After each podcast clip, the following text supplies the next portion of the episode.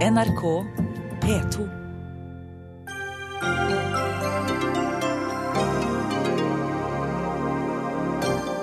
KrF vil øke skattene med 8 milliarder kroner og reverserer nesten halvparten av de skattekuttene de allerede har vært med på med regjeringen. Og nå angrer KrF seg. Partiet vil ha full moms på netthandel fra utlandet. Hva hadde du gjort om du var FBI-direktør og kom over en PC som kunne inneholde 650 000 av Hillary Clintons e-poster? Fortalte, eller vente til etter valget? Hva, var, hva har Statoil, NSB, DNB, Nortura og Helse Sør-Øst til felles? Jo, de setter IT-driften ut til India. Og like årvis som julegryta til Frelsesarmeen er protestene mot homosynet til Frelsesarmeen.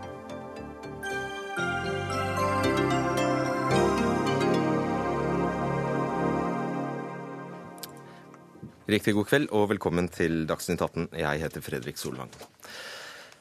Ja, KrF vil øke skattene med om lag 8 milliarder kroner, og dermed reverserer partiet nesten halvparten av de skattelettene de selv har vært med på gjennom tre år med Høyre-Frp-regjeringen. Så hva er da poenget med dette samarbeidet? Hans Olav Syversen, parlamentarisk nestleder og finanspolitisk talsperson ja, det har vært mye, mye vits i det samarbeidet, så det kan du ta helt med ro. Men, men så er det jo sånn at når vi legger fram vårt alternativ, så er det jo med utgangspunkt i hva vår politikk er. Og som jeg sa før i dag, så er vi veldig fornøyd med oppfølgingen fra regjeringen. Både ved at man kutter selskapsskatten og personskatten. Eh, og så eh, har vi jo også fått til eh, at den arbeidende kapital i formuesskatten får en reduksjon. så La meg nå begynne med den rosen. Men så er det jo også slik at vi mener at ikke minst for å få til et grønt skifte, så har vi behov for også en annen skatte- og avgiftsprofil enn akkurat det den regjeringspartiene har lagt fram. Og det er vel ikke så veldig stor overraskelse, tror jeg. Men er det ikke det, all den tid du faktisk har stemt for tre budsjetter? Altså Dette er jo to skritt fram og ett tilbake. Men vi har jo alltid hatt et annet utgangspunkt enn eh, regjeringen. Og så har vi møttes, og så gjør vi vel det igjen. Vi vil håpe på at vi kommer i mål. Men sånn på. poenget er jo at eh, innretningen på skattene er jo mye bedre eh, med det opplegget vi i fellesskap har kommet fram til. Og, og nå er det jo kjempeviktig at vi sørger for at de som velger dårlige miljøløsninger, ikke blir belønnet, men det motsatte. Og da er det, som Grønn skattekommisjon sier, ikke noe annet og bedre valg enn å se på avgiftspolitikken og gi pluss til de som velger eh, lurt, og ikke pluss eller en minus til, de som da velger det som gir eh, utslipp. Eh, bare rydd i tallene veldig kjapt. Altså, det er om lag fem av disse åtte milliardene i skattepåplussinger som handler om klima og miljø. Stemmer. Tre gjør det altså ikke. Stemmer. Ja. Marte Gerhardsen, leder i Tankesmien Agenda, en ikke helt uhildet observatør, men du kan få prøve deg. Hva er det de gjør her? Nei, jeg syns det er et spennende budsjett. Og det viser at det er ganske stor avstand mellom KrF og regjeringen på mange områder. Og et særlig viktig område Det måtte du nesten vel si. ja, men jeg mener det òg. Derfor er du invitert. Og, ja, og, og, et område som er, er, veldig tydelig, det er i forhold til ulikhet. For under regjeringen Solhaug, Solberg eh, unnskyld, så har uh, ulikheten i Norge økt dramatisk. Og spesielt har antall fattige økt veldig. Det har ligget stabilt i Norge på ca. 8% i veldig, veldig veldig mange år. Under Solberg så har det økt til 11% Det er ganske dramatisk. Og det ser du veldig tydelig i disse, mange av forslagene til KrF, at det er en veldig tydelig fattigdomsprofil som skiller dem fra regjeringen. Men jeg vil et øyeblikk tvinge deg til å forholde deg til dette, altså dette med skatte- og avgiftsøkningene. Mm. Altså Fra ett år til annet, jeg vet ikke om noe annet parti kommer til å slå dere i sine alternative budsjetter, men fra ett år til annet øker de altså skattene med 8 milliarder kroner netto. Det er ganske kraftig kost. Det er veldig spennende, og jeg syns både det dere gjør på klima er bra. Eh, og framtidsretta. Og så er det eh, det andre som også er litt interessant. Hvis du skal se litt i det politiske landskapet, så går de jo da inn for å øke skattene på sekundærbolig, som er veldig riktig i forhold til en fordelingsprofil. Og går også inn for å gjøre noe med trinn, eh, altså den progressive beskatningen, som også er positivt. Så, så de legger seg på en, en mer jeg leser det, du får jo arrestere meg, men, men, en mer omfordelende og mer rettferdig vri i skattesystemet. Og det trenger vi i Norge, for nå øker ulikhetene. Kan jeg bare få kommentere? Eh, når det gjelder ulikhet og, og Solberg-regjeringen, så er det faktum at jeg regner med den rapporten du viser til er en SSB-rapport, og den ble avsluttet med tall fra 2013 og 2014, så den peker vel egentlig mest tilbake på den rød-grønne regjeringen, så da har vi eh, for så vidt tatt det. Og så er det altså slik at hvis vi ser denne perioden under ett, så vil vi med vårt opplegg også ha skatteletter. Og jeg mener skatteletter på det som er viktig, nemlig på arbeid og på bedrifter. Og det prioriterer vi, men vi må også nå sørge for at vi får et skifte på grønn side, slik at vi når de forpliktelsene som ikke bare KrF har skrevet under på, men også regjeringen og har levert eh, i utlandet. Men likevel, eh, det er en kjensgjerning, Svein Flåtten, finanspolitisk statsperson for Høyre, at tallene ser om lag som følger ut. Altså regjeringen og støttepartiene har i løpet av denne perioden så langt gitt skatteletter på om lag 21 milliarder kroner. Så kommer altså dette budsjettet og øker dem med 8 milliarder. Er to skritt fram og ett tilbake en riktig, en riktig vurdering, da? For den som er vant til å lese Kristelig Folkepartis alternative budsjetter, så er dette gjenkjennelig. Vi har aldri endt To skritt fram og ett tilbake er helt vanlig fra den kanten? Vi har aldri endt på det som har vært eh, deres primære eh, posisjoner. Eh, og det er ikke veldig mye nytt i det de kommer med her. Det er eh, sånn som i hvert fall jeg har forventet det. Og når man prøver å fremstille det som at dette er helt historisk høye skatteøkninger fra et parti, så er det bare å gå tilbake til Arbeiderpartiets forskjellige alternativ, så vil man se at de egentlig øker skattene mye mer enn det. Nei, men vent nå litt. Dere har jamret om at Arbeiderpartiet, og avkrevd svar fra Arbeiderpartiet nå i lange tider, på at eh, dere har regnet dere fram til at Arbeiderpartiet blir nødt til å øke skatten med minst 10 milliarder kroner. Og så kommer KrF, deres eget støtteparti, og øker den med 8? Jo, men Det er ikke noe vi har regnet ut, de har foreslått det selv. Men eh, det som er fordelen med Kristelig Folkeparti og deres forslag, er at eh, med de skal vi sette oss ned og diskutere. Få rede på hvordan de tenker hvordan, hva slags inndekning de har, hvordan de ser for seg hele budsjettet sammensatt. Det Bortsett kan, fra at det er helt vanlig. Hva syns du om det, da? Det kan vi aldri gjøre med, med Arbeiderpartiet. Jeg synes at uh, budsjettet er uh, som sagt gjenkjennelig på veldig mange områder. Det er slik et Kristelig Folkeparti-budsjett uh, skal være. På familiesiden, på helse, på eldre, men også på verdiskapingssiden. Så det er ikke noen store overraskelser for meg. Det er ikke sånn at, Og det visste jeg. Altså, Jeg åpner ikke Kristelig Folkepartis alternativ med en voldsom angst og beven og, og, og, og tenker at dette, dette blir rene ragnarok. Vi er der hvor de pleier å være. Pålitelige, borgerlig orientert. Borgerlig orientert. Takk skal du ha, Marte Gerhardsen. Er, er dette et borgerlig orientert budsjett? Det er vanskelig å sitte og sette noen merkelapp, men i hvert fall så ser du at KrF går veldig tydelig imot veldig mange av regjeringens mest usosiale kutt. Jeg opplever at det er en sterk fattigdomsprofil i det budsjettet dere har lagt fram, som jeg opplever som positivt.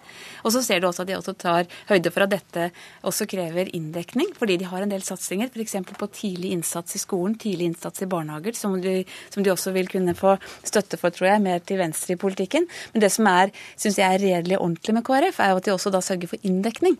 Eh, og også øker da skattene, framfor å bare skyve regningen over til neste generasjon, som, som regjeringen har hatt litt tendens til å gjøre nå, med å sette, eh, heller bruke oljepenger. Eh, før, før, du sikkert må avslutte, så får jeg se det høres ut som vi skal liksom eh, jumpe ut i noen skatteskjerpelser som er uten sidestykke. Det er snakk om eh, hva skal vi si, en, en halv prosent, tror jeg, av det samlede skattenivået i Norge. Og så gjør vi det altså slik at vi gir tilbake skole, kommuner, helsetjeneste. Det er 8 milliarder skriver jeg, det er 8 milliarder netto, da. Og så kan jeg jo si at skatter og avgifter av budsjettet utgjør 900, over 900 milliarder kroner. Så man kan jo selvfølgelig sette to streker under 8 milliarder, men se litt på sammensetningen. Jeg tror man vil finne veldig mye godt der, enten man heter Marte Gerhardsen eller Svein Flåtten. Og vi fremmer KrF-politikk, det er vår jobb. Eh, bare et spørsmål om det som det var så mye bråk om for bare noen få uker siden, nemlig økningen i veibruksavgiften på bensin og diesel. Ja. Eh, som jo regjeringen sa var det Det er sånn det blir. Eh, dette er det grønne skiftet. Det er jo litt uh, fortolkning i det, da, men OK. ja, alle vi andre hørte det. Dere går da inn for å øke avgiften på diesel med 20 øre og på bensin med 15 øre. Her tar dere mindre i faktisk enn regjeringen. Hvorfor det? Nei, det er i tillegg til det regjeringen Ja, foreslår. Ja, så sorry. 35 Det er- pluss Det 20, er nok skuffe noen, men, øh, sånn er det. Så da blir det 35 øre pluss 20 øre, og så blir det 15 pluss 15 øre. Så ser vi også at dette har et eh, distriktsaspekt ved seg, så vi øker også pendlerfradraget. Så alle får, og alle må gi litt. Og så siste spørsmål. Altså det som jo er morsomt, og som jeg oppfordrer alle til å gjøre når man leser eh, alternative budsjetter, er å gå inn og se på hvem som er deres beste venner. Og da er det jo Familieveiviseren, eh, Sjømannskirkens lavterskeltilbud for familier og barn i Spania, som dette året har fått eh, en gave på 2,5 Ja, du, millioner. jeg kan godt fortelle hvorfor det Ja, er nødvendig. hvorfor det? det er, jo, fordi at det er altfor mange barn som går der for lut og kaldt vann, og som er norske borgere. Så det er en meget billig investering. Men hvorfor Så- skal sånne små ting inn på Fordi at et budsjett, Vi må ikke bli så elitistiske at vi tror at det bare er snakk om milliarder i et budsjett. Det er også de små tall som betyr noe for den enkelte. Så eh, kom med det, men det der skal jeg gjerne forsvare. Greit svar. Ok. Da takker vi Anne Marte Gerhardsen. Vi skal holde oss ved, um, ved det alternative budsjettet deres. For for to år siden var det stor baluba eh, om den såkalte momsfrigrensen eh, på netthandel fra utlandet. Vi husker at regjeringen foreslo å øke den grensa til eh, 500 kroner. Da demonstrerte og protesterte handelen, og LO og stort sett eh, alle. De påsto at 10 000 arbeidsplasser ville ryke. KrF og Venstre fikk så forhandlet grensen ned til 350 kroner. Nå, to år etter, hva gjør dere? Jo, dere vil fjerne hele dette avgiftsfritaket. Hvorfor det? Jo, fordi vi rett og slett mener at eh, det bør ikke være slik at eh, utenlandske butikker har en, eh, en fordel framfor norsk næringsliv og dermed norske arbeidsplasser. Og dette er nå blitt regelen i stort sett de fleste land. At man har ingen avgiftsfrihet, eller den er veldig liten. Og Vi snakker her altså om arbeidsplasser i handelsnæringen, som for øvrig er den næringen som sysselsetter flest unge. Og vi har også en ungdomsledighet, så vi mener vi bør revurdere den grensen. Men dere mente jo noe annet for bare to år siden. Det var et kompromiss, ja, med regjeringspartiene. Ja, og så hadde vi en behandling også i vårt eget landsstyre, og vi mener at ny kunnskap om dette tilsier at vi bør endre politikk. Hvilken og når vi får ny kunnskap, så lar vi oss av og til inspirere. Ja, interessant. Hvilken ny kunnskap? Nettopp den, at vi nå har en økende ledighet blant unge. Vi ser at andre land endrer sine regler. Og da ser jeg ikke noe poeng i at vi egentlig eksporterer norske arbeidsplasser. Jeg, jeg gjør ikke det. Jørge Jensen, du er fagdirektør i Forbrukerrådet. Bare ta et eksempel. altså Dette tørkleet som jeg har i, i dressjakken her, det er kjøpt på en utenlandsk eh, nettbutikk. Da slipper jeg altså 25% moms. Så tørkleet for meg er jo saken ganske enkel. Jeg kjøper den i en utenlandsk i stedet for en norsk nettbutikk. Og da ryker norske arbeidsplasser, så enkelt som det. Ja, det er jo der koblinga er litt, eh, litt tynn, da. Eh, Hvis vi ser, så har jo hevinga av 350-kronersgrensa ikke ført til at det har eh, blitt mista noen arbeidsplasser i Norge.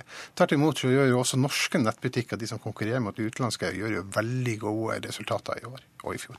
Så det, det er liksom litt sånn svartmaling om at bare du kan kjøpe dette tørkleet, så, så, så setter vi folk på gata. Det har ikke vi sett. Empirien er ikke der. Hva skjer da hvis eh, KrF får gjennomslag for å fjerne hele dette momsfritaket? Nei, Det som vil skje, det er jo at forbrukerne er nødt til å tåle å betale mer for varer, eh, og eh, kanskje miste tilgangen på, på det utbudet av varer som finnes på nettet.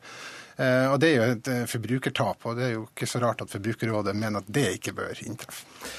Ja, Ja, nei, vi, eh, vi kan altså ikke se at det lenger er noe saklig grunn for at norske butikker skal diskrimineres. For det betyr tap av norske arbeidsplasser, enten man liker det eller ei.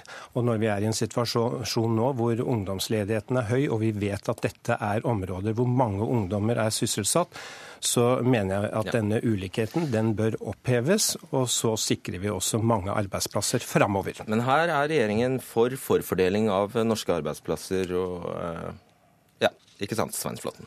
Jeg har respekt for at Kristelig Folkeparti mener det som de i utgangspunktet mente sist, eh, men da gikk inn på et kompromiss. Vi mener også det samme som vi mente sist, nemlig at man eh, bør ha grensen på det den er nå. Og det er jo helt klare forbrukerinteresser i dette.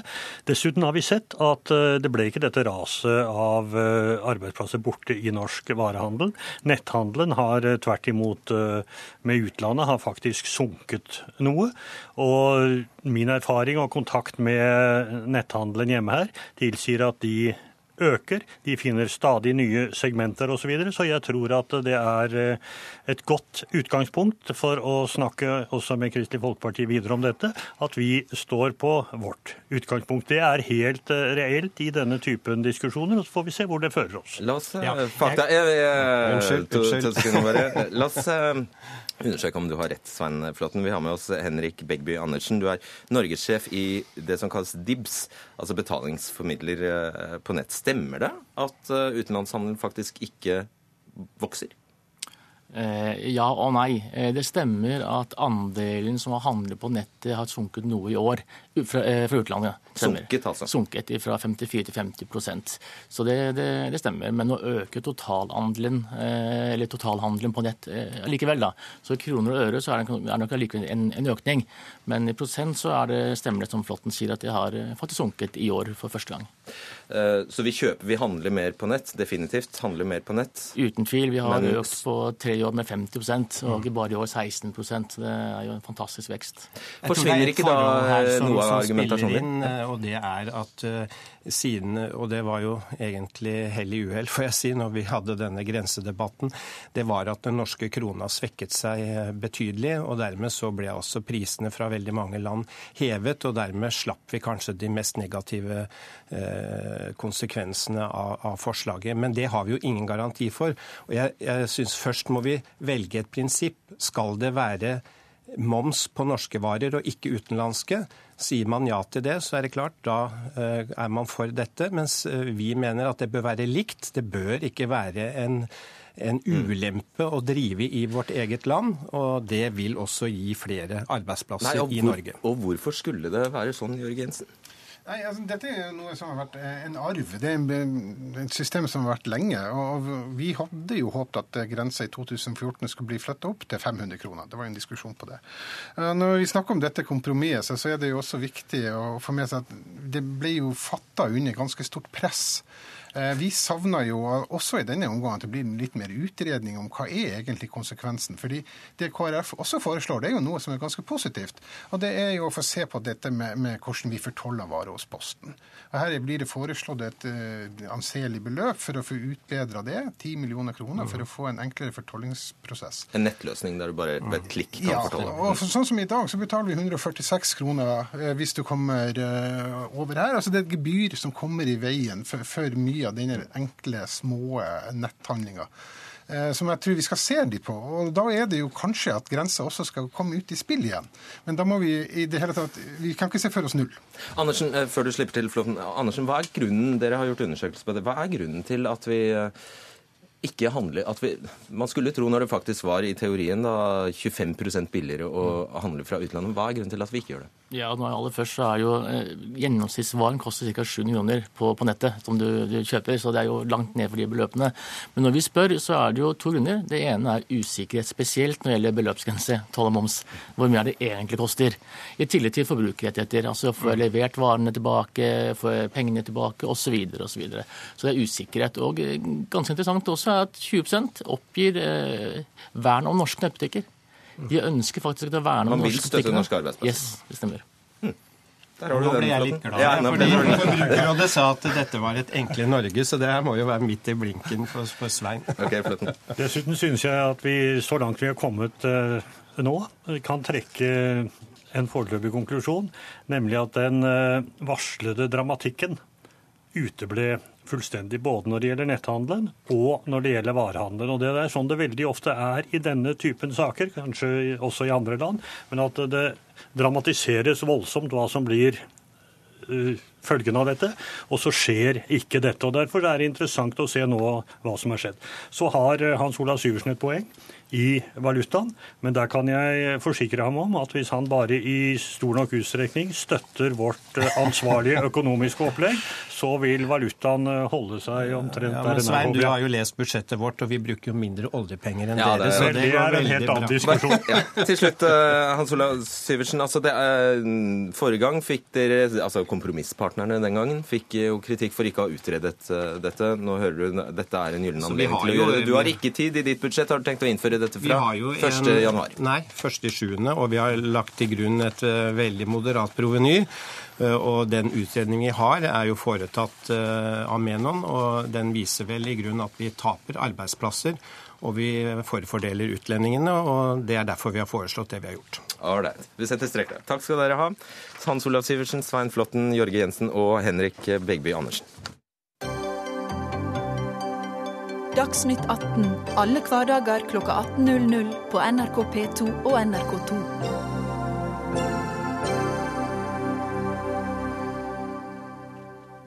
Da skal vi snakke om det amerikanske valget. For um, fikk, altså valgkampen fikk enda en ny omdreining i løpet av helgen. Da valgte FBI-direktør James Comey å informere om at det er funnet flere e-poster, faktisk 650 000 e-poster, som kan være relevante i saken rundt Hillary Clintons private e-postservere, og at disse nå skal gjennomgås. Og nå beskyldes jo da FBI-direktøren for å ha begått lovbrudd, og spørsmålet er hvilken betydning dette kan få for eh, valgkampinnspurten. Først til deg, Anders Tvegård, som dekker valget for NRK i USA. Ja, dette er problematisk for Hillary Clinton. Ja, Dette bare forsterker inntrykket som eh, mange har av eh, henne som uærlig og eh, hemmelighetsfull. Denne nyheten forsøker selvfølgelig kampanjen å drive brannslukking på så raskt som mulig. Hun har tatt til orde for full åpenhet. Hun sier også at det er rart, at det er merkelig at FBI kommer med dette få dager før valget. Det er brudd på egne protokoller. Samtidig, når det er sagt, så har denne e-postskandalesaken vært versert i mediene her i halvannet år. Velgerne har i stor grad gjort seg opp en oppslutning om begge kandidatene, og de er de to mest upopulære eh, i, eh, i, historien, eh, altså gjennom tiden her. Eh, ja, bare ta oss fort igjennom. Hva er det dette dreier seg om, det siste som har skjedd nå? Ja, Det er eh, ektemannen, eh, den fraseparerte ektemannen til Hillary Clintons nære medarbeider Uma Abedin. Anthony Weiner han var eh, kongressrepresentant. Han etterforskes i en annen sak for å ha sendt meldinger, bilder av seg selv, nakenbilder til mindreårige. Og i den etterforskningen, for de tok og beslagla hans laptop, så viser det seg at Abedin og Weiner har brukt samme laptop, og at der ligger en bunke med e-poster som kan ha gått gjennom Clintons Clintons eh, e-postserver. Det er ikke eh, avklart. FBI-sjefen har ikke sagt noen ting om betydningen av disse e-postene, annet enn at de ønsker å se på dem, eh, om det kan ha en, en, en sammenheng. Hvor mange det gjelder, som kan være knyttet til en etterforskning av Clinton, det vet vi heller ikke. Men, og, og, og, og ingen, har, ingen, har, sagt noe mer om, om dette ennå. Ole Moen, du er tidligere professor i eh, Nord-Amerika-studier. Eh, nå har Demokratenes leder i eh, Senatet, Harry Reed, sendt et brev til FBI-direktøren der han skriver at han gjennom sine partiske handlinger har brutt loven. Kan du se at han har det? Nei, det er litt diskusjon om det, da. Men eh, det er klart at han har brutt vanlig protokoll. Eh, for i Justisdepartementet Han tilhører, altså FBI tilhører jo Justisdepartementet. Ligger under Justisdepartementet. Ja, ligger der. Men, eh, men han mener jo seg selv å være ganske, ganske uavhengig, da. Men det som er saken, er jo at eh, det eksisterer et memorandum som ble skrevet i 2008 av eh, den siste justisminister til Bush jr., eh, Michael Mukasi, og han sier at etterforskningsagenter og, og påtalemyndighet må være meget forsiktig med å legge undersøkelsessteg, som man sier, i, i, på en slik måte at det kan uh, gi fordeler for, for, visse kandidater eller partier, eller motsatt. Og, uh, men han legger det også til det skrivet da, at det må være hensikt, med hensikt til å skape denne virkningen. Uh, nå har Comey også en arbeidsinstruks som sier at det påligger direktøren å han har plikt faktisk til å, å vise absolutt åpenhet overfor Kongressen. Eh, og at eh, det krever av ham at han skal korrigere uttalelser hvis nye fakta dukker opp. Problemet for ham her er jo at det ikke er noe fakta. Han sier at det kan være noe. Så han har jo det som er kritisert for, er jo at han, at han ikke har produsert noe fakta, eller sett på hva det innebærer, men at det kan være det. Så mistanken er kastet. Og har, den har jo sin, sin virkning da på den måten. Og det er interessant at det er både republikanere og eh, demokrater som har gått ut og kritisert ham, og ikke minst en så konservativ eh, TV-stasjon som Fox News, hvor da denne meget konservative verten eh, Janine Pero sier at han har kastet skam over og politisert FBI. Og det er sterk kost eh, fra de kanter. Det er det. Og Anders Tvegård, hvis man for et øyeblikk setter seg i, setter seg i Komis sted, så er det altså sånn at han får da beskjed om at her er det funnet en PC som tilhører denne eh, altså mannen til, eller eksmannen til eh, Clintons høyre hånd, som kan, kan inneholde 650 000 e-poster. Kanskje kunne dette være noen av de 33 000 e-postene Hillary Clinton ikke nekter eller ikke vil redegjøre for. Kanskje kan de inneholde gradert informasjon, hvem vet. Så har han altså gitt dette løftet til Kongressen om at han skal være åpen hvis det, hvis det skjer noe i, som kan påvirke etterforskningen. Hadde han, da, hadde han da noe valg? Ja, Det er jo spørsmål om eh, tidspunktet. Jeg er nå utenfor eh, FBIs eh, hovedkvarter, og innad så pågår det jo også en diskusjon om hvorfor dette tok så lang tid. Fordi de har hatt disse opplysningene, hatt denne laptopen i flere uker. Først nå så har de valgt å orientere FBI-sjefen. Han valgte da å gå rett til Kongressen, fordi som du sa, under ed i sommer så sa han at saken var avsluttet. Og det viser seg da at, de, at det har dukket opp nye e-poster som kan være relevant, men det brevet han har skrevet er veldig utydelig og, og kan kan tolkes i, i flere retninger. Men eh, han uh, har vært eh, også redd for at det etter valget kan bli kjent at FBI satt på, denne, på, disse opplysningene, og sånn sett, sånn sett, at han blir anklaget for å ha holdt tilbake opplysninger før valget. han kan også ha valgt å, å, å, gjøre dette rett og slett fordi han føler at Kongressen skal bli, eller være være, være orientert. Hans tidligere kolleger har, har, kritisert ham for å gjøre det, fordi det er en brudd på, på, på, denne protokollen.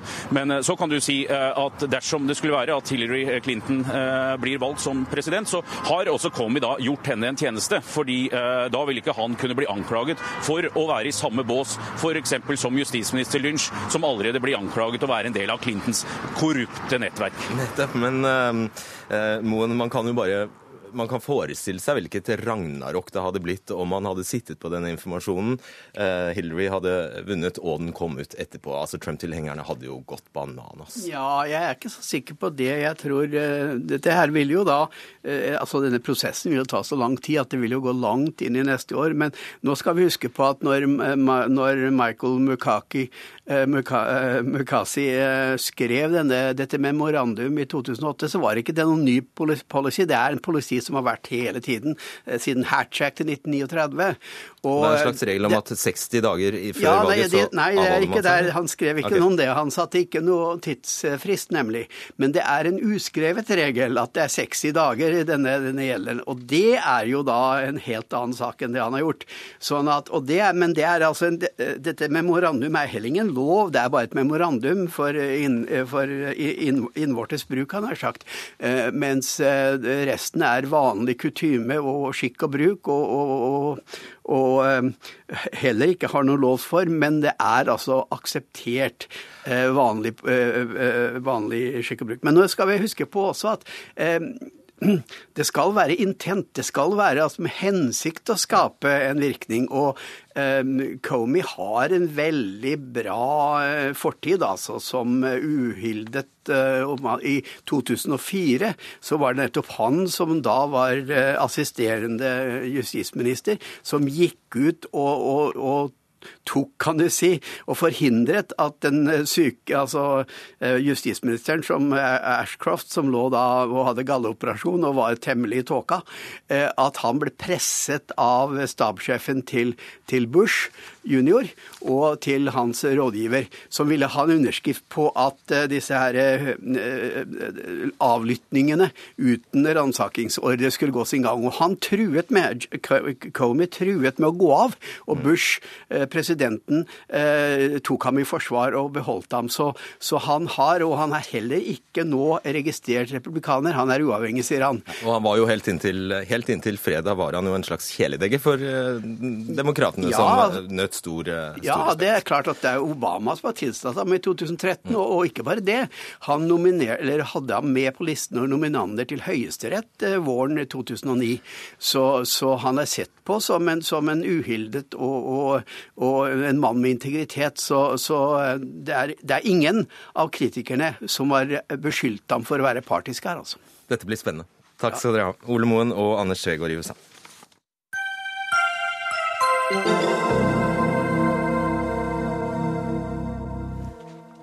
Statoil, NSB, DNB, Nortura, Helse Sør-Øst. Lista er stor over eh, norske selskaper og foretak som eh, outsourcer IT-driften sin, eller utflagger IT-driften sin. Og denne lista blir bare lengre, og mye av denne virksomheten går nå til India. NRK kunne nylig fortelle at en IT-arbeider i India stoppet produksjonen på Statoils oljeraffineri på Mongstad ved en tastefeil. Men det er ikke bare sikkerheten du er eh, bekymret for. Eh, Lise Randeberg, du er eh, president i Tekna, representerer IT-ingeniørene. Du sier at outsourcing utarmer norske IT-miljøer. Hvordan da? Nei, det utarmer jo kompetansen og kompetansearbeidsplassene over tid. Hvis man fjerner for mange oppgaver, så blir det mindre kompetanse, mindre erfaring i å utføre disse oppgavene over tid. Og vi, vi ser jo ofte altså at um, det gir oss mer sårbare fagmiljø. Jo mindre fagmiljøene blir, jo lettere er de rett og slett at de forvitrer. Mm. Det høres uh, logisk ut. Thomas Bagley, du er direktør for teknologi og e-helse i Helse Sør-Øst. Dere har altså ansvar for over halve befolkningen. En kontrakt for modernisering av uh, IT-systemet på mellom 6 og 7 milliarder kroner, det er store penger vi snakker om her, går nå til en ekstern eh, leverandør, og, ja, som er amerikanske Hewlett Packard. Eh, og flere ansatte hos deg har faktisk sagt opp i protest. Hvorfor? Hvorfor vi outsourcer? Hvorfor outsourcer Ja, altså, vi, Det som er viktig å understreke, her er at uh, dette gjelder jo en av våre uh, selskaper, Sykehuspartner. Uh, og Sykehuspartner leverer jo tjenester, det er teknologitjenester til vår region, som er da regionen i Sør- og Østlandet, og sykehusene der. Og Dette dreier seg om at de nesten 1200 IT-arbeiderne som er i Sykehuspartner, så gjelder dette ca. 10 12% av de eh, totalt sett. Ok, Det er en Så, grei avklaring. Ja. Men hvorfor? Hvorfor? Eh, fordi at eh, vi må modernisere. Vi er midt inne i et svært skifte rundt digitalisering. Vi må sørge for at våre pasienter og innbyggerne i Helse Sør-Øst får de aller beste tjenestene på sine sykehus. Og vi må sørge for at vi klarer å levere det. Og det må vi gjøre effektivt. Hvorfor blir det bedre av å sette det ut? Eh, vi må sørge for at eh, ja, som sagt, dette er en del av et stort bilde. Eh, det er mange ansatte, og vi satser betydelig på å digitalisere. Og Det kommer vi til å gjøre. Og vi kommer helt sikkert til å være flere IT-arbeidere om noen år enn det vi faktisk er i dag. Hvorfor skal disse 10 settes ut? Rett og slett fordi eh, at vi må ha kompetanse på et bredt spekter av tjenester. Eh, så Sykehuspartner kan ikke ha, eh, skaffe seg den, eller har ikke den kompetansen? Nei, Sykehuspartner har en fantastisk stab og kompetente medarbeidere. Det vi ønsker er å flytte og sørge for at vi er best på der vi kan være best, og det er i nærheten av våre sykehus og klinikere. Og sørge for at vi får best mulig tjenester til sykehusene. Har du hørt slik argumentasjon tidligere før, Randeberg? Det har jeg hørt. og det som er litt skremmende, at man eh, også gir slipp på, på, den essensielle kjernekompetansen, sånn at man også mister innkjøpskompetanse. Og Da blir det også vanskeligere å spesifisere de prosjektene man faktisk skal sette ut.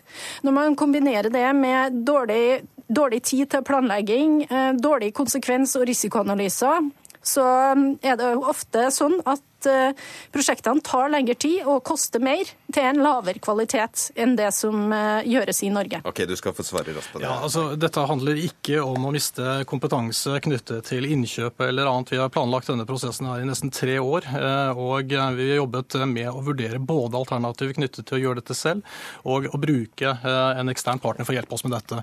Så, så vi er godt planlagt i det, og vi har vi eh, gjør grundige vurderinger av både risiko og sårbarhet knyttet til dette. Håkon Haugli, du er leder i Abelia, NHOs forening for kunnskaps- og teknologibedrifter. Eh, du hører her at Teknas president sier eh, outsourcing utarmer norske IT-miljøer, og du representerer jo mange av dem. Er det også ditt inntrykk?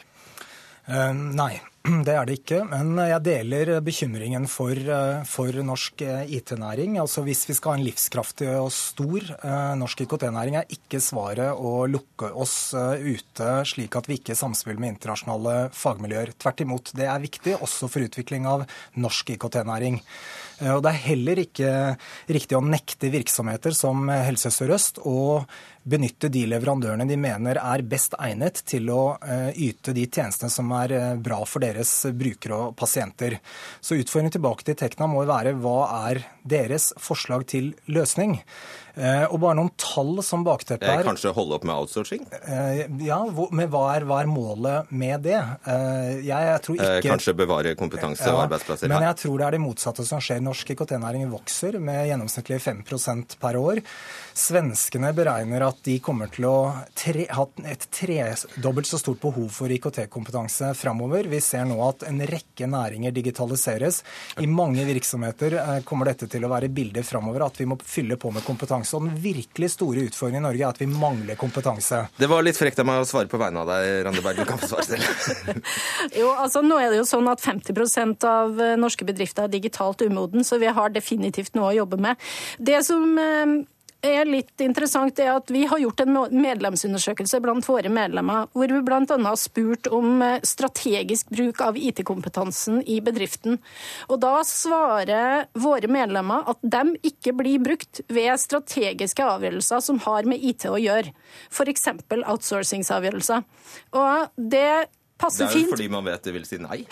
Det passer jo også fint sammen med det vi, eh, våre medlemmer opplever når deres, at deres faglige råd blir ignorert i denne typen prosesser. Så det er jeg litt opptatt av. Ta fagkompetansen med på råd, få dem inn i loopen, få dem med på prosessen. Så tror jeg nok eh, avgjørelsene også blir bedre. Du skal få slippe til, Bergli. Vi skal bare ha med Hans Solli Sæter. Du er professor ved Avdeling for internasjonal business, ja det heter det, ved NTNU i Ålesund. Det er riktig.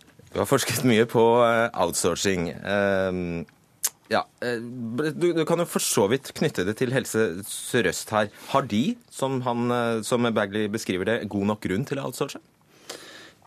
Det blir jo en vurdering som, som Helse Sør-Øst må gjøre selv. Ja, men, men, men en, et sykehus har jo en kjernekompetanse i forhold til pasientbehandling.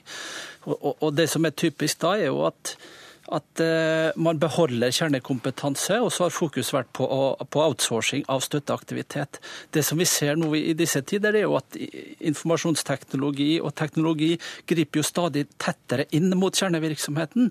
og Derfor så bør det jo være en dialog mellom de som jobber med kjernevirksomhet, og de som er involvert i, i støtteaktiviteter. Har, altså, hva, hva viser eh, forskningen på dette området? Blir det blir det stadig mer populært å outsource? Er det så enkelt?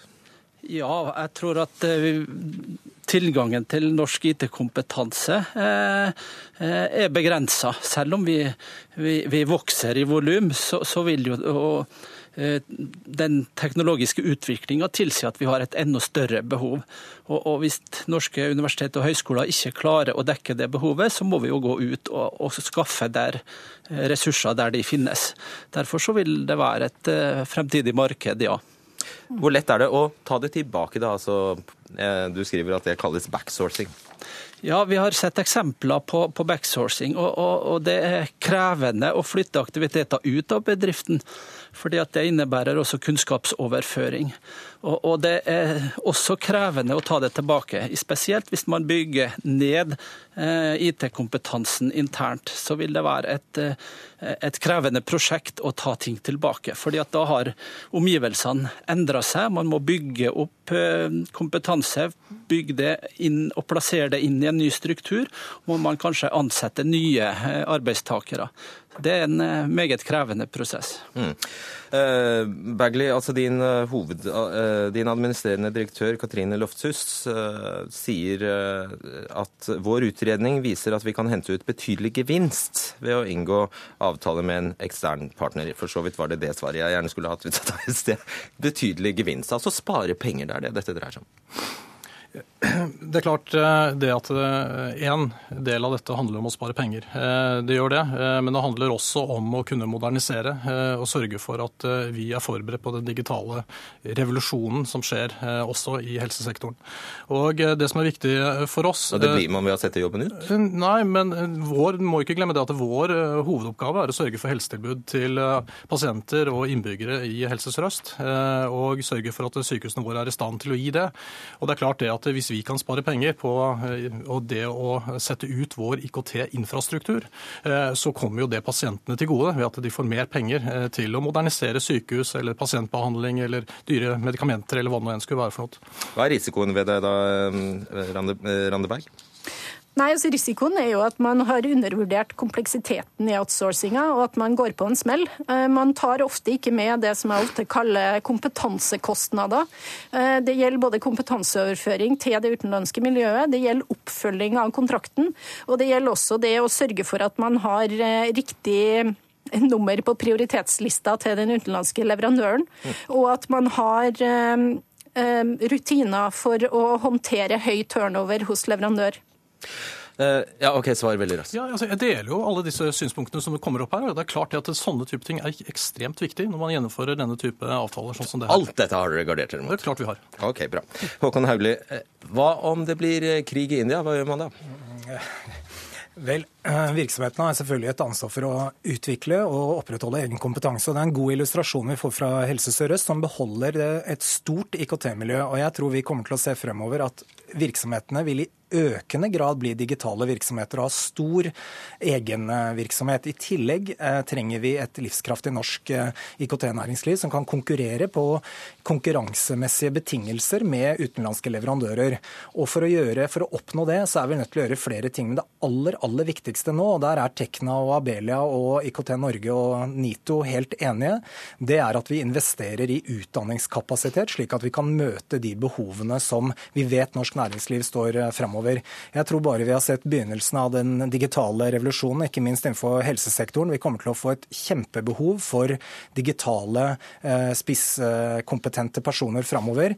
Eh, og eh, dette er én del av det. Og bare understreke det jeg sa i stad, veldig viktig at virksomhetene har tilgang på internasjonal kompetanse. Pris er bare én faktor.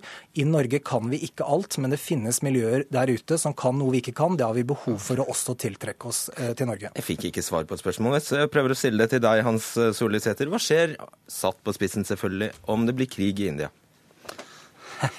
Ja, da kan man jo risikere at, at man må, må hente eh, produksjon tilbake. Eh, og, og, da gjelder det jo, som det er sagt her, å ha et apparat til å ta det her eh, imot. Man må ikke bygge ned virksomheten, men man må Eh, ha kompetanse til både å, å, stille gode krav, til å følge opp eh, leverandøren og til å, å kontrollere at leveransene er av den kvaliteten som, eh, som man har spesifisert. Ja, er det ditt inntrykk at en jevne norske bedrift som outsourcer tar høyde fra, for nok eventualiteter? Ehm, det er veldig vanskelig å, å forutse alt som kan skje. Altså. men, men, det er jo en typiske, det er jo noen typiske feil man går i. Ehm, enten så velger man eh, feil aktiviteter. Man Eh, miste kontroll over aktivitet som er flytta ut. Eh, eh, og det kan også være at man, man ikke har de nødvendige rettighetene i forhold til programvare eller eierskap til til infrastruktur. Så det, det, er mange eksempel på at man har gjort feil. Og til slutt, Randeberg, går det norske IT-ingeniører arbeidsledige nå pga. dette? Nei, Jeg tror ikke jeg gjør det enda, eh, men vi kan risikere det i framtida. Nå er det usikkert. De som tar en IT-utdanning, hva har de å gå til? Og det, det, gir oss jo, som du spurte om, eh, hva skjer hvis det blir krig i India? Det gir oss jo en sårbarhet. Og det vi ser, at IT-bedrifter som har IT som primærvirksomhet, har ikke problemer med å rekruttere gode folk i dag. Det er der miljøene blir for små og for fragmentert, og der det er dem som skal sitte og rette feilene som skjer under outsourcing, det er der man får rekrutteringsproblemer. Og Det sier noe om hvor viktig det er å ha sterke nok fagmiljøer i Norge. Og et ja-nei-spørsmål til deg, Thomas Bagley. Eh, du kan garantere, du kan vel garantere at ikke en eneste Det kommer aldri til å skje at en norsk pasientjournal havner på avveie i USA eller et eller annet, i en eller annen sky. Man kan jo ikke garantere slikt. Uff da. Takk skal dere ha, Hans Olusæter, Lise Randeberg, Thomas Bagley og Håkon Haugli. Hør Dagsnytt 18 når du vil. Radio NRK Radio.nrk.no.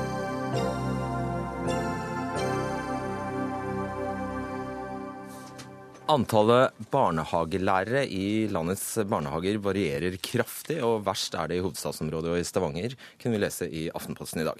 Hvor mange voksne med pedagogisk utdanning skal det være i norske barnehager? Det er, eh, har et flertall på Stortinget nå bedt regjeringen om å ta stilling til ved å redegjøre for arbeidet med bemanningsnormen og med barnehagelærernormen.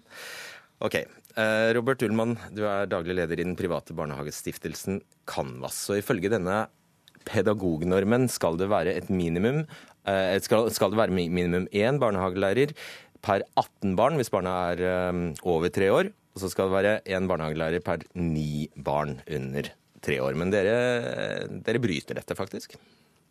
Ja, i positiv forstand.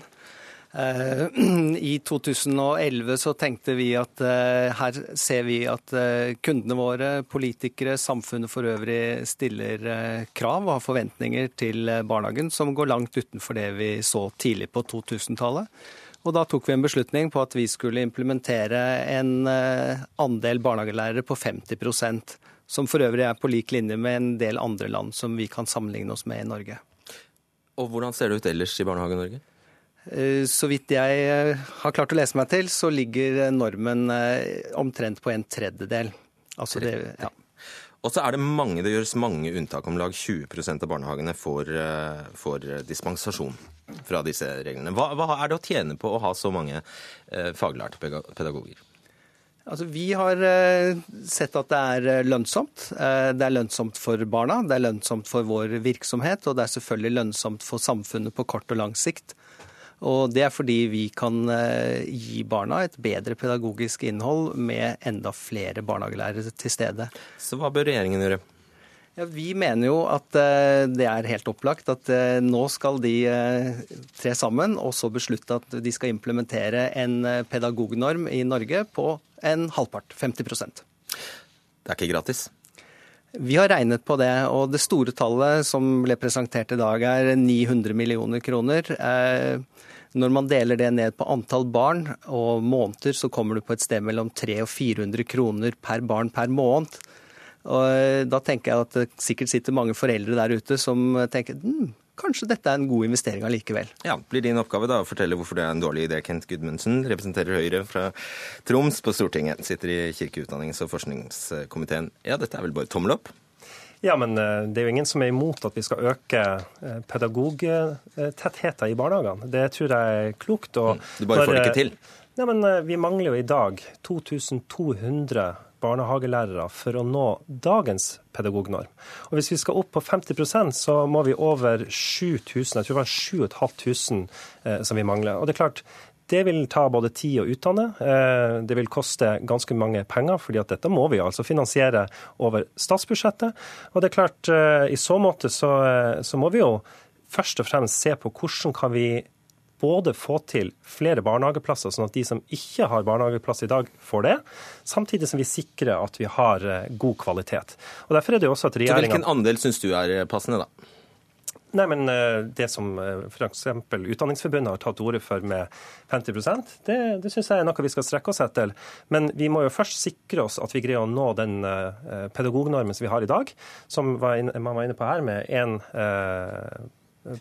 barnehagelærer per ni barn under tre år, og én eh, per 18 over tre år. Okay. Ja. Ja. Har du et tips uh, Ullmann, til hvordan det, det, kan gå litt raskere? Ja, ikke vent. Eh, jeg tenker at det er riktig å begynne så tidlig som mulig med en opptrappingsplan. Eh, og selv om man kan eh, også se at det er mangel eh, totalt sett i Norge, altså aggregerte tallet, summen, er mange, men det er jo også overskudd på barnehagelærere mange steder rundt omkring i Norge. Vi har f.eks. hvis vi utlyser en stilling i Bergen eller i Sandefjord, bare for å ta to steder hvor jeg vet at det er overskudd på barnehagelærere, så får vi over 100 søknader det ville vært veldig synd hvis disse utdannede fagfolkene velger å stå på utsiden av sektoren fremfor å ta seg jobb i sektoren. Det glemte du å nevne, Gudmundsen. Nei, men eh, Det ser vi jo også innenfor mange andre områder, at vi har folk som tar utdanning. Du sa det var så diger under, du sa det var, sa det var så svær underdekning? Ja, men eh, det er jo det. Eh, så er det overdekning andre steder. Vi eh, mangler i hvert fall 2200 eh, eh, barnehagepedagoger i, i, barnehagene i Norge i dag. Og det er klart at Hvis vi skal greie å rekruttere flere ut av dem inn i norsk barnehage, så må vi, når vi nå skal f.eks. innføre bemanningsnormen, kunne se på selvfølgelig hvordan vi greier å øke den tettheten. Men først og fremst må vi levere på det området. Du, er det et problem, syns du, at Canvas er så kjempeflink i klassen? Altså flinkest, flinkere enn flinkest? Nei, tvert imot. Jeg vil berømme denne stiftelsen for den eh, veldig gode jobben de gjør på vegne av eh, mange foreldre. De setter jo alle, alle, andre barnehager i forlegenhet, da? Men det syns jeg er bare fint. Eh, jeg mener at de som privat stiftelse har vært med på å virkelig utfordre Barnehage-Norge på en veldig positiv måte, og som gjør at jeg tror flere ledere ute i Kommune-Norge har mer å strekke seg etter. Og det, Den dynamikken der, den, den mener Høyre, ikke bare innenfor barnehager, men innenfor flere områder, er veldig positiv. For konkurranse, det tror jeg er med på å løfte oss alle. Lønner det seg på bunnlinja, Ulman? Ja, det gjør det.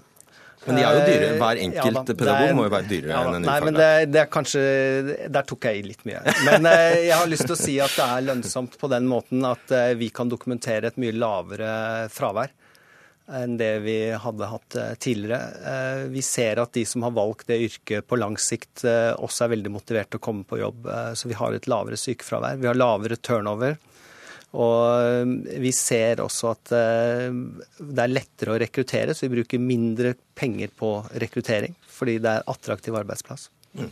Norge har jo Gunnmundsen, fått uh, kritikk fra OECD faktisk for, å, for, at pedagogandelen i barnehagene er for lav. Så hva, hvis løsningen ikke er å øke kravet, hva, hva er resepten?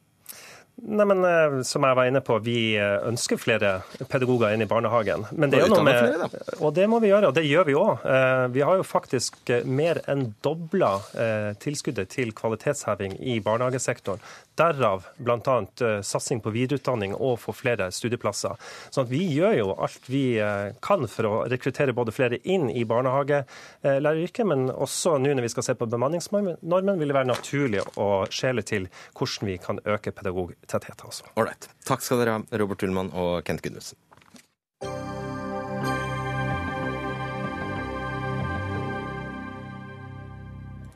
Julegryta er Frelsesarmeens innsamlingsaksjon i desember, og pengene går til mat og varme klær til dem som trenger det. Men da Frelsesarmeen spurte bystyrerepresentantene i Oslo om å stå vakt ved julegryta i år, fikk de blankt nei fra deg, Per Anders Langerød bystyrerepresentant for Arbeiderpartiet. Hvorfor det?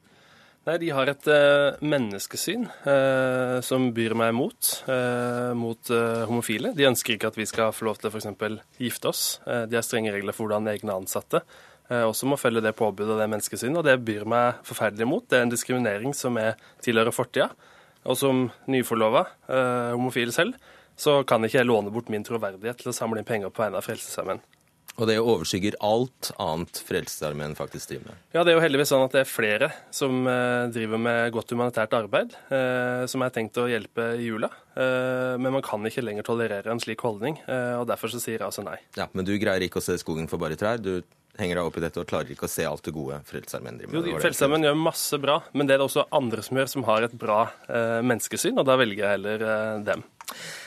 Andrew eh, Hannevik, du er informasjonssjef i Frelsesarmeen, og dette er jo omtrent, denne kritikken her er omtrent like årvis som denne julegryta.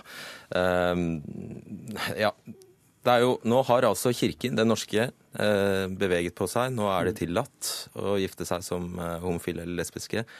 Og så henger dere etter, rett og slett. Frelsesarmeen er en organisasjon med et stort uh, sosialt arbeid, men vi er også et uh, kristent trossamfunn. Uh, baserer vår tro på Bibelen, og Frelsesarmeen arbeider i 128 land. Så det gjør ikke Den norske kirken, er det?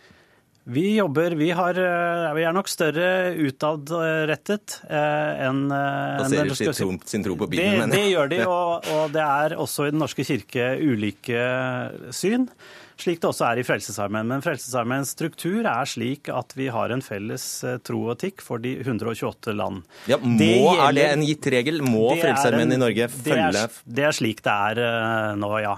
Og, og, dette gjelder for de som er offiserer, altså pastorer eller prester eller hva det forstandere i Frelsesarmeen og bærer uniform også for soldater som velger å gå inn på et forpliktende medlemskap i Frelsesarmeen.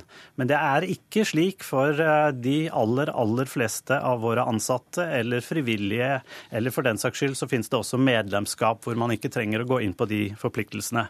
Og så har jeg stor respekt for at eh, noen finner det problematisk og velger å ikke støtte Frelsesarmeen, og jeg syns det er kjempeflott at de da tar til orde for å støtte andre formål, for vi er mange som gjør et godt arbeid.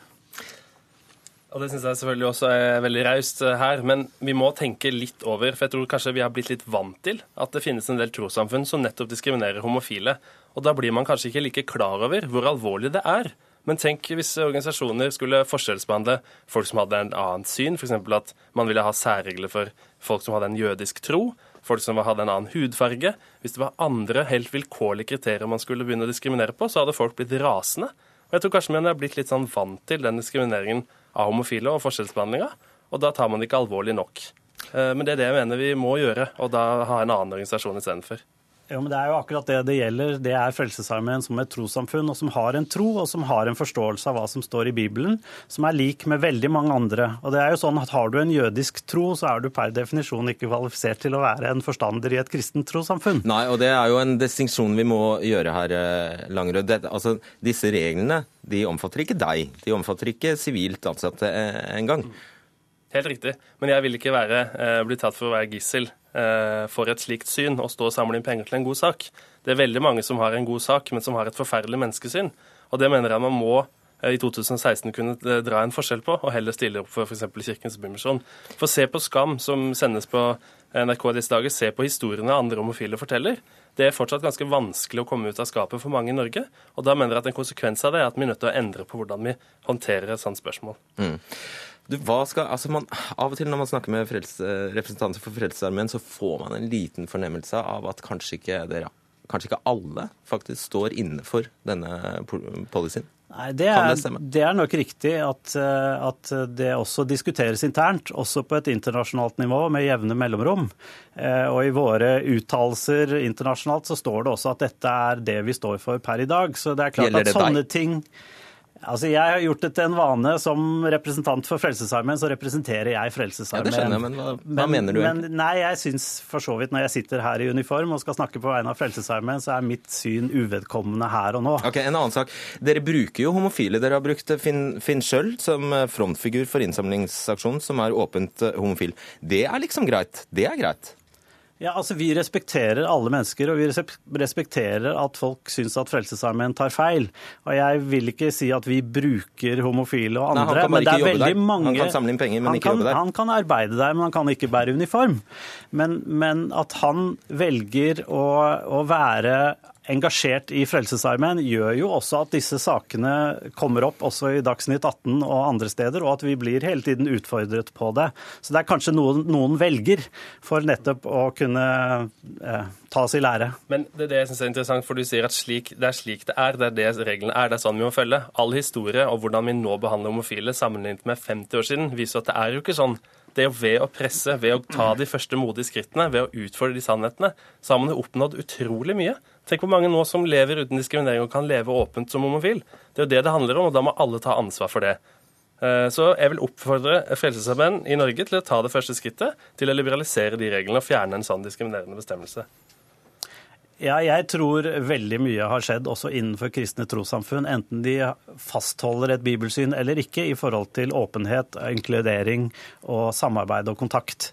Eh, og det setter vi veldig pris på, både blant våre ansatte og våre frivillige. tror du at vi har denne diskusjonen om ti, ti år? Sitter dere her og forsvarer det samme synet? Det er veldig vanskelig for meg å mene noe om. Nei, det kan jeg ikke svare på. Hva tror du? Jeg håper ikke det, men eh, det kan være vi kommer innom et par ganger til før endringen kommer. Ja, Så skal jeg bare eh, på tampen ta med at Frelsesarmeen er helt tydelig på at ingen som trenger hjelp og støtte skal oppsøke Frelsesarmeen forgjeves, uansett etnisk identitet, politisk overbevisning, religion eller seksuell legning. Tusen takk skal dere ha, Per Anders Langerød og Andrew Hannevik. Dagsnytt 18 er over. Ida Tune Ørestrand, Lisbeth Seldrate og Fredrik Solvang takker for seg. Hør flere podkaster på nrk.no podkast.